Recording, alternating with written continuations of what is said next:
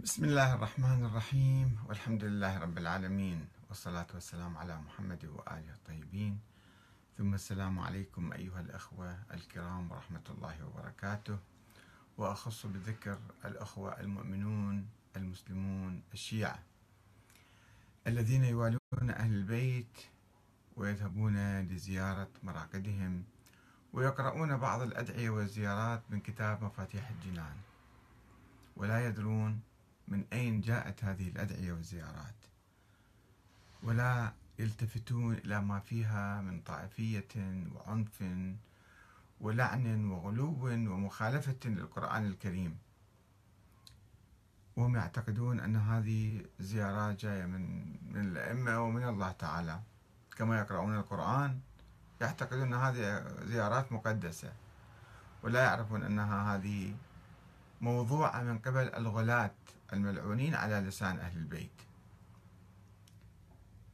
وقد تحدثنا عن عدد من تلك الأدعية والزيارات في حلقات سابقة ونتوقف اليوم عند ما يسمى بالزيارة الجامعة أو الزيارة الجامعة التي آه، يزار بها جميع الأئمة. وكما أشرنا في مقدمة الأحاديث السابقة بأن الشيخ عباس القمي قبل مئة سنة تقريبا وهو محدث أخباري يعني غير محقق ولا مدقق ولا مجتهد ولا أصولي.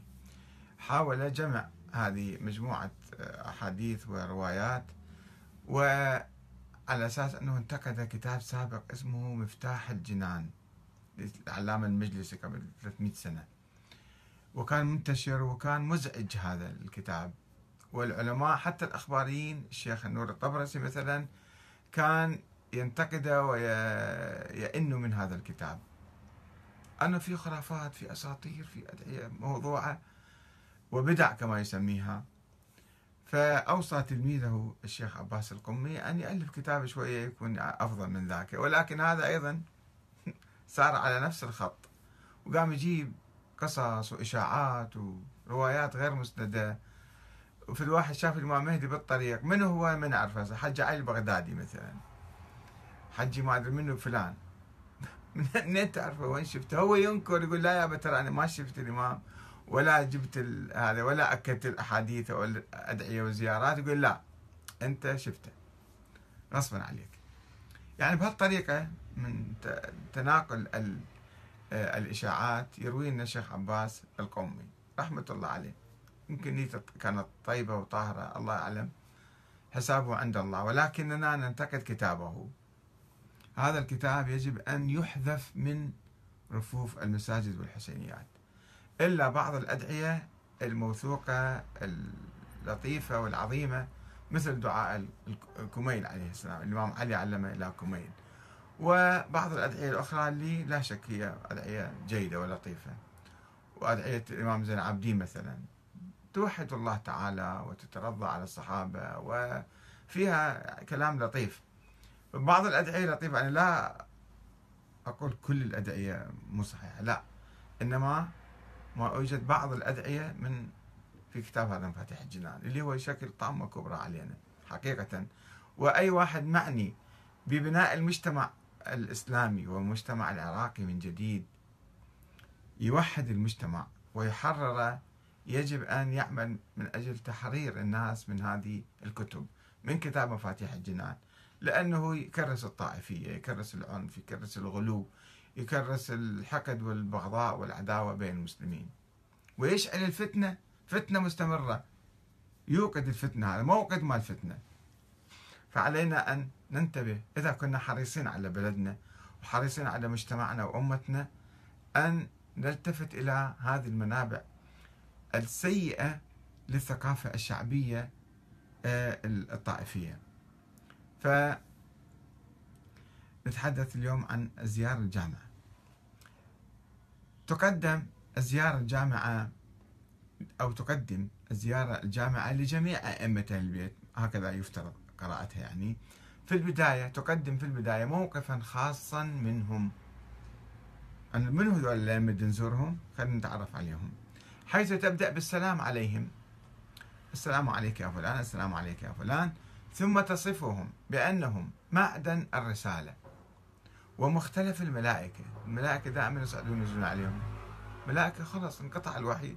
بوفاة رسول الله. ما تنزل لا على الإمام علي ولا على الحسن ولا على الحسين ولا على أحد آخر من البشر. بس يقول لك لا مختلف الملائكة. دائما صاعدين نازلين عليهم. ومهبط الوحي ومعدن الرحمة. واحد يقول يمكن أنه هذا يقصد فيها النبي. إذا النبي خلينا نقول له النبي أنت مهبط الوحي. ليش نخاطب الأئمة؟ نخاطب الأئمة يعني سويناهم مثل الأنبياء. هذول الغلاة في فرقة من الغلاة كانوا يعتقدون الأئمة الملائكة تنزل عليهم وهم دائما عندهم علاقة بالسماء مثل الأنبياء يعني. ومعدن الرحمة وخزان أو خزان العلم. يا علم شلون؟ وأمناء الرحمن. ماكو ظل الله في الأرض هم صاروا ظل الله في الأرض. أمناء الرحمن. وحجج الله على أهل الدنيا والآخرة والأولى. حجج الله على أهل الدنيا افتهمنا. حجج الله على الآخرة كيف؟ حسب السياق يعني والقافية. وحفظت سر الله. شنو هو سر الله اللي هم حافظيه هذا افتهم حفظت سر الله. هم عندهم سر الله عندهم حافظيه كيف يعني؟ وأوصياء نبي الله. هو الإمام علي كان وصي النبي فقط وصية في الأمور العادية في قضاء ديني وكذا. ما كان وصي على الدين. فتتسلسل الوصية وتجي كل واحد يروح يزوره أنت وصي الله. وصي نبي الله هذه بالمقدمة حتى تشوفوا شلون غلو بالأئمة اللي راح نزورهم. هم كانوا علماء أبرار مجاهدين ثوار كرماء عباد زهاد.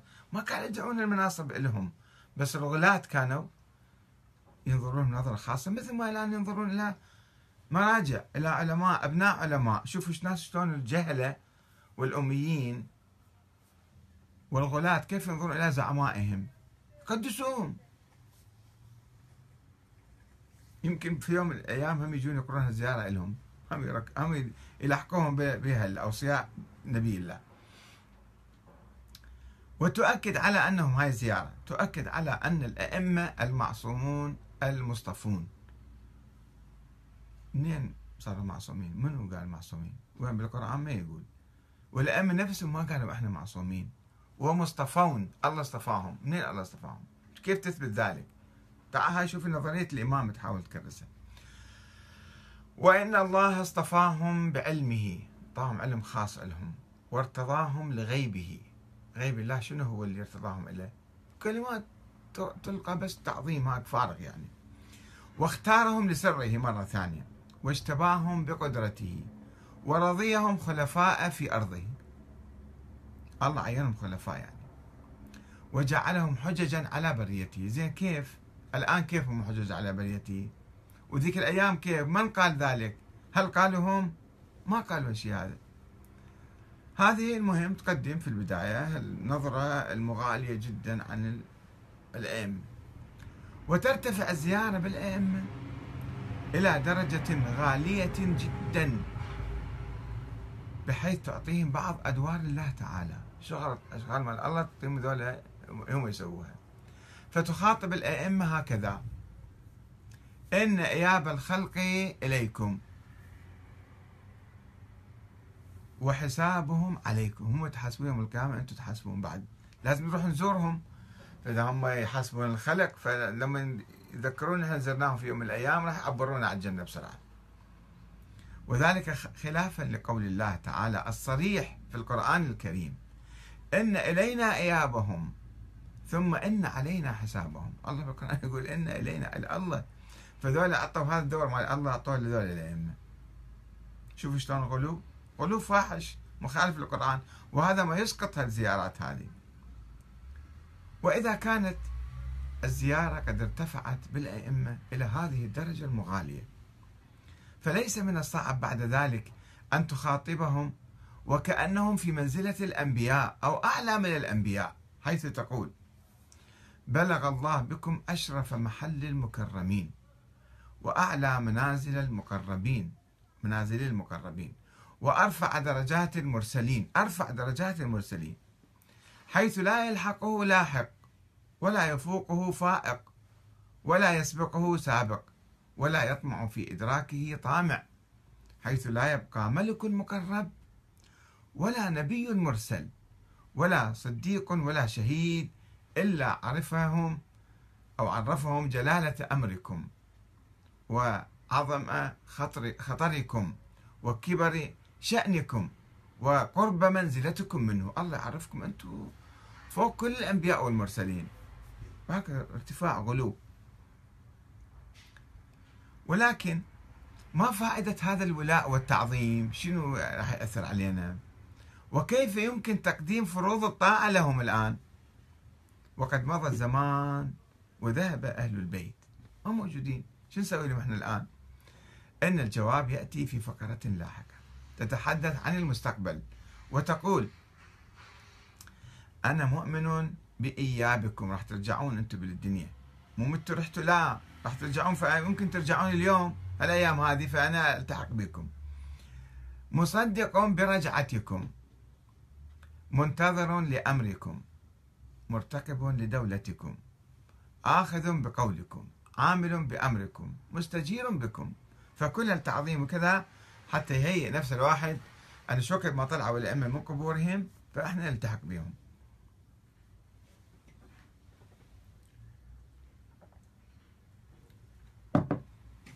أكرر مرة أخرى اعتذاري لكم لأنه أنا عندي مرض سكري ولازم أشرب ماء كل كل خمس دقائق. وعندما تخاطب الزيارة الأئمة قائلة إن آيات الله لديكم إن آيات الله لديكم وعزائمه فيكم ونوره وبرهانه عندكم وأمره إليكم. فمن الطبيعي لما تعاظم الأئمة هالشكل بهالدرجة فمن الطبيعي أن يصبح أو يصبح الأئمة المحور الفاصل بين الحق والباطل. ولذلك تقول من والاكم فقد والى الله ومن عاداكم فقد عاد الله ومن أحبكم فقد أحب الله ومن أبغضكم فقد أبغض الله. صاروا كان مثل النبي يعني لا أنت حبيته أو ولا إلى كيف يعني نفس الشيء صار. ومن اعتصم بكم فقد اعتصم بالله. وتضيف الزيارة من أتاكم؟ نجا. ومن لم يأتكم؟ هلك. راح هذا. حتى لو جاب كل أعمال الدنيا صار هالك هذا. وأيضا تقول سعد من والاكم وهلك من عاداكم وخاب من جحدكم. بس كل المسلمين ما يعرفوهم مثلا ذولا جاحدين ذولا خايبين. وظل من فارقكم. بس أنتم ناخذ الدين من عندكم يعني. وفاز من تمسك بكم وأمن من لجأ إليكم وسلم من صدقكم وهدي من اعتصم بكم. من اتبعكم فالجنة مأواه ومن خالفكم فالنار مثواه. وكل إلى جهنم. إحنا فقط الفرقة الناجية. ومن جحدكم كافر ومن حاربكم مشرك ومن رد عليكم فهو في أسفل درك الجحيم. إذا واحد ما قبل قول مثلا افترض الإمام الصادق مثلا. هذا راح جهنم يصير. وكافر ومشرك وملحد وما بقى شيء بعد من الدين عنده. بينما يقول أنا ما أعرف الإمام الصادق. من هو الإمام الصادق؟ مثلا ما أعرفه. ماكو دليل عليه بالقرآن ولا بالأحاديث ولا. هو يقول أنا مثلا افترض إذا صحت الزيارات هذه اللي مؤلفة بعدين يبدو عليها. المهم أنه أنا ما أعرفك شنو الدليل عليه؟ شنو؟ على الأقل مسألة غامضة. أو مثلا الإمام الثاني عشر أصلا ما أدري هذا مولود لما مولود موجود لما موجود. إذا أنكرته وإذا قلت مو صحيح أنا أروح للنار يعني قبل وأنتم تروحوا للجنة بسرعة شلون؟ شوي فكروا في المسألة هاي. هذا العنف العنف اللي يصير بالمجتمع. وتقوم الزيارة بتكريس مفهوم التبري. عندنا تولي وعندنا تبري. تولي لذلك الأئمة وتبري من أعدائهم. فتقول برئت إلى الله عز وجل من أعدائكم. بس من أعدائكم إحنا نفتكرهم إحنا نصورهم إحنا نصورهم أعداء. برئت إلى الله عز وجل من أعدائكم ومن الجبت والطاغوت والشياطين وحزبهم. منو ذول الشياطين وحزبهم؟ الظالمين لكم الجاحدين لحقكم ذول الشياطين. اللي ما يعترفون بكم ذول صاروا شياطين. والمارقين من ولايتكم بعد. هذه خلاص خرجوا من الدين يعني. والغاصبين لإرثكم. أنتم كان لازم تصيروا حكام على البشرية ما صرتوا. أجوا ناس آخرين أخذوا الحكم فذولا غصبوا حقكم. الشاكين فيكم. إذا واحد يشك فيكم هذا صار من حزب الشيطان. لازم عنده يقين مية بالمية. المنحرفين عنكم. ما ما يتبعون أهل البيت ما يعترفون بهم. شنو صار هسه يعني بس مسلمين يصلون يصومون يوحدون الله تعالى يؤمنون بالآخرة كل شيء يعني عملهم صحيح بس ما يعرفون الأئمة. هذول يروحون للنار كلهم. ومن كل وليجة دونكم كل وليجة يعني كل وسيلة يعني. وكل مطاع وكل مطاع سواكم. أي واحد يحكم ويطيعون الناس غيركم إحنا نتبرأ من عنده. ومن الأئمة الذين يدعون إلى النار. وفي هذا السياق تنتقل الزيارة لتتخذ موقفا عنيفا من الآخرين فتقول في مخاطبة الأئمة إن الراغب عنكم مارق والمقصر في حقكم زاهق. هذا راح إلى جهنم إذا فإن هذه الزيارة والزيارات الأخرى وخاصة زيارة عاشوراء التي تحدثنا عنها سابقا تقوم ببناء نظرية الإمامة في نفوس من يقرأها. تعلمه يوالي هؤلاء يعادي هؤلاء يعمل كذا. آه، فتعطي لأئمة أهل البيت موقعا يشابه النبوة. يوجب الطاعة والتسليم ويحرم المخالفة أو التخلف والمروق والخروج عليهم. وبالرغم من كونهم عاشوا في فترة ماضية قبل أكثر من ألف عام فإن الزيارات تبني حولهم موقفا عقديا عقائديا يعني ينعكس سلبا على خصومهم المفترضين الذين عاشوا في زمانهم اللي ما سمعوا كلامهم أخذوا حقهم غصبوه مثلا من أبي بكر التنازل يعني. فإن الزيارات ثم يمتد الموقف ليشمل أتباع الفريقين أتباع الأئمة وأتباع ذلاك اللي أخذوا الخلافة وغصبوها. فصارت معركة بيناتنا وعداء وكراهية وبغض وعداوة بيننا وبين بقية المسلمين.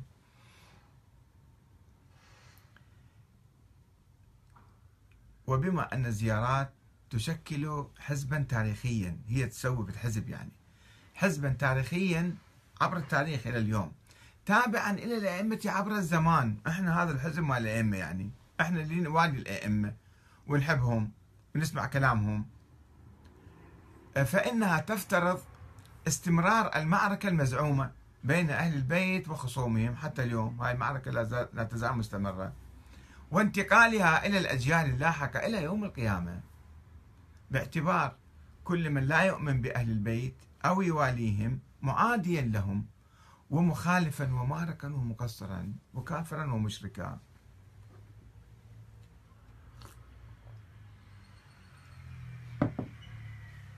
إن الولاء لأئمة أهل البيت في زمانهم يمكن أن يكون مفهوما ومعقولا وذا معنى أنه في حركة سياسية زعيم معين موجود فإحنا ننصره نواليه نحبه نسمع كلامه نطيعه يعني شيء معقول.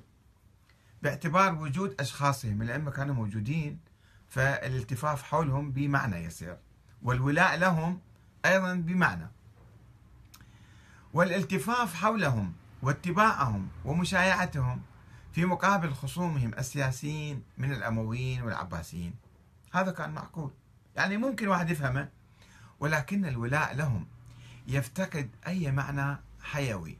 في الزمن التالي. إذا هم راحوا بعد شلون إحنا نلتف حولهم شلون نشايعهم؟ شلون إحنا نواليهم؟ حيث يستحيل الالتفاف حولهم سياسيا أو تنصيبهم في منصب الخلافة والإمامة. ولا يمكن إلا التعبير عن الحب لهم. وهذا أمر لا يختلف عليه المسلمون من جميع الطوائف. يحبون أهل البيت مو مشكلة. إلا إذا حولنا معنى الولاء إلى مفهوم اعتقادي. مو معنى سياسي. لا أنه تواليهم من الآن أنت تواليهم. يعني تعتقد أنهم على الحق وهم صحيح هم كذا. عقيدة صار عندك هذه. ورفعنا أئمة أهل البيت إلى درجة تشبه النبوة أو الألوهية. منصب أدوار الله يأدوها. وهو ما يقول به الغلاة الغلاة من الشيعة. مو عامة الشيعة ما يقولون بالكلام هذا. وهذا ما لا يقبله ما لا يقبله أي مسلم أو شيعي ينهل من ثقافة أهل البيت ما يقبل بهذا الغلو. وتكمن خطورة ذلك الموقف المتطرف من الآخرين في قيامه على أساس قاعدة دينية موهومة. الآن إحنا لازم عندنا ولاء نوالي أهل البيت وبالتالي نقسم المجتمع إلى موالين ومعادين. نتولى هذولا ونتبرى من, من هؤلاء. باعتبار أن الزيارات واردة عن أئمة أهل البيت يعلمونا وإحنا لازم إحنا ناخذ يعني إيماننا وديننا من أهل البيت وأهل البيت يقسمون المجتمع بهذه الصورة. ولا يشك شيعي أي شيعي عادة بصحة هذه الروايات أو الزيارات الناس العاديين أقصد يعني. ولا يسأل عن سندها مثل هو الشيخ عباس القمي اللي أصلا ما يجي بالسند حج علي البغدادي روى هاي الرواية. بل يعتمد على وجودها ضمن كتاب مفاتيح الجنان.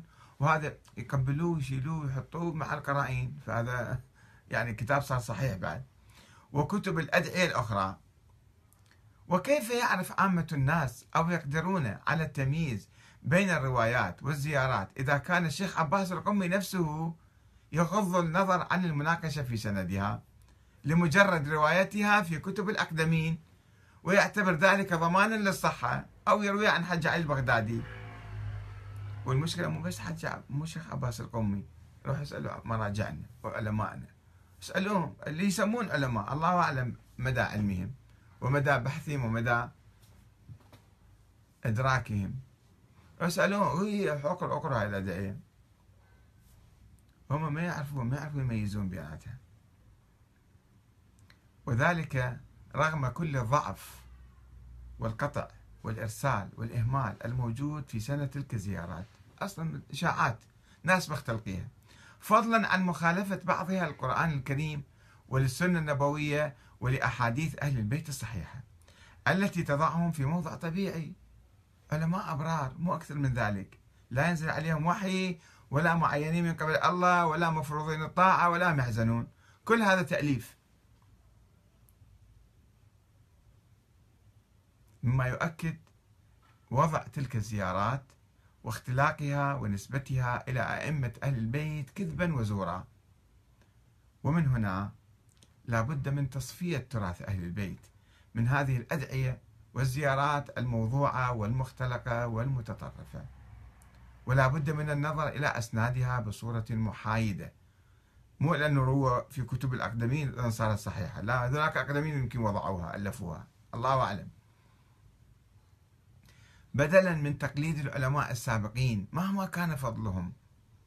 فإن الأقدمين رووا كثيرا من الروايات ثم جاء من من بعدهم من محصها فوجد أكثرها ضعيفا أو بلا سند صحيح. ولا يجوز الاحتجاج بالتزام العلماء السابقين بها. أن العلماء كانوا يقرون الأدعية فإذا إحنا نقرأ مثلهم. فإن كثيرا من هؤلاء العلماء أخباريون وحشويون. يجمعون في كتبهم الغث والسمين ولا يفرقون بين الصحيح والضعيف. وإذا أخذنا بنظر الاعتبار أن الفرقة الاثنى عشرية التي ولدت في القرن الرابع الهجري هي واحدة من عشرات الفرق الشيعية التي كانت كل فرقة منها تضع من الأحاديث على لسان أهل البيت. ما يعجبها وما يؤيد نظريتها. إذا عرفنا هالشيء فسوف نعلم عدم حجية أي رواية يرويها مشايخ الطائفة الكليني والصدوق والمفيد والطوسي وما أدري منه كل حكيم كل هذا تصفيط وترتيب. المتهمين بالوضع والتزوير ولذلك لا بد من النظر إلى مشايخ الطائفة الذين يروون تلك الأدعية والزيارات نظرية علمية محايدة غير متأثرة بأجواء التعظيم الموروثة في من أجيالنا السابقة. وهالات التقديس التي يحيطهم يحيطهم بها أتباعهم المقلدون لهم عبر التاريخ إلى اليوم. إلى اليوم شوفون العلماء يقلدون واحد آه، آه، الآخر وجيل بعد جيل يقلدون وصاروا ذولا مقدسين كانوا ذولا ما يخطئون ولا. لازم نبحث في أسس هذه الأدعية والزيارات. لو افترضنا صحة سند مال أي زيارة إلى أي إمام. لو افترضنا هذا فرضية محالة طبعا ومستحيلة.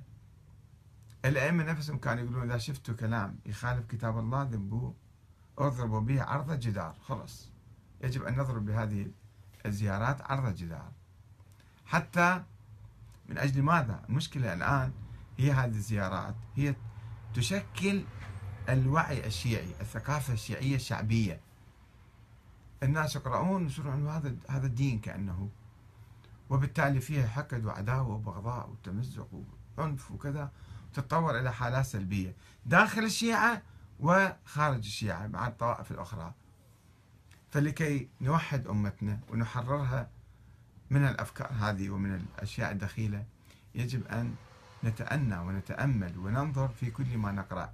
لا يجوز أن نأخذ هذا هذه الكتب على أنها كتب منزلة ومقدسة. وطبعا المفروض العلماء أن يقوموا بهذه المهمة ولكنهم لأسباب تعرفونها لا يتصدون لمكافحة هذه الخرافات والأساطير والسلام عليكم ورحمة الله وبركاته.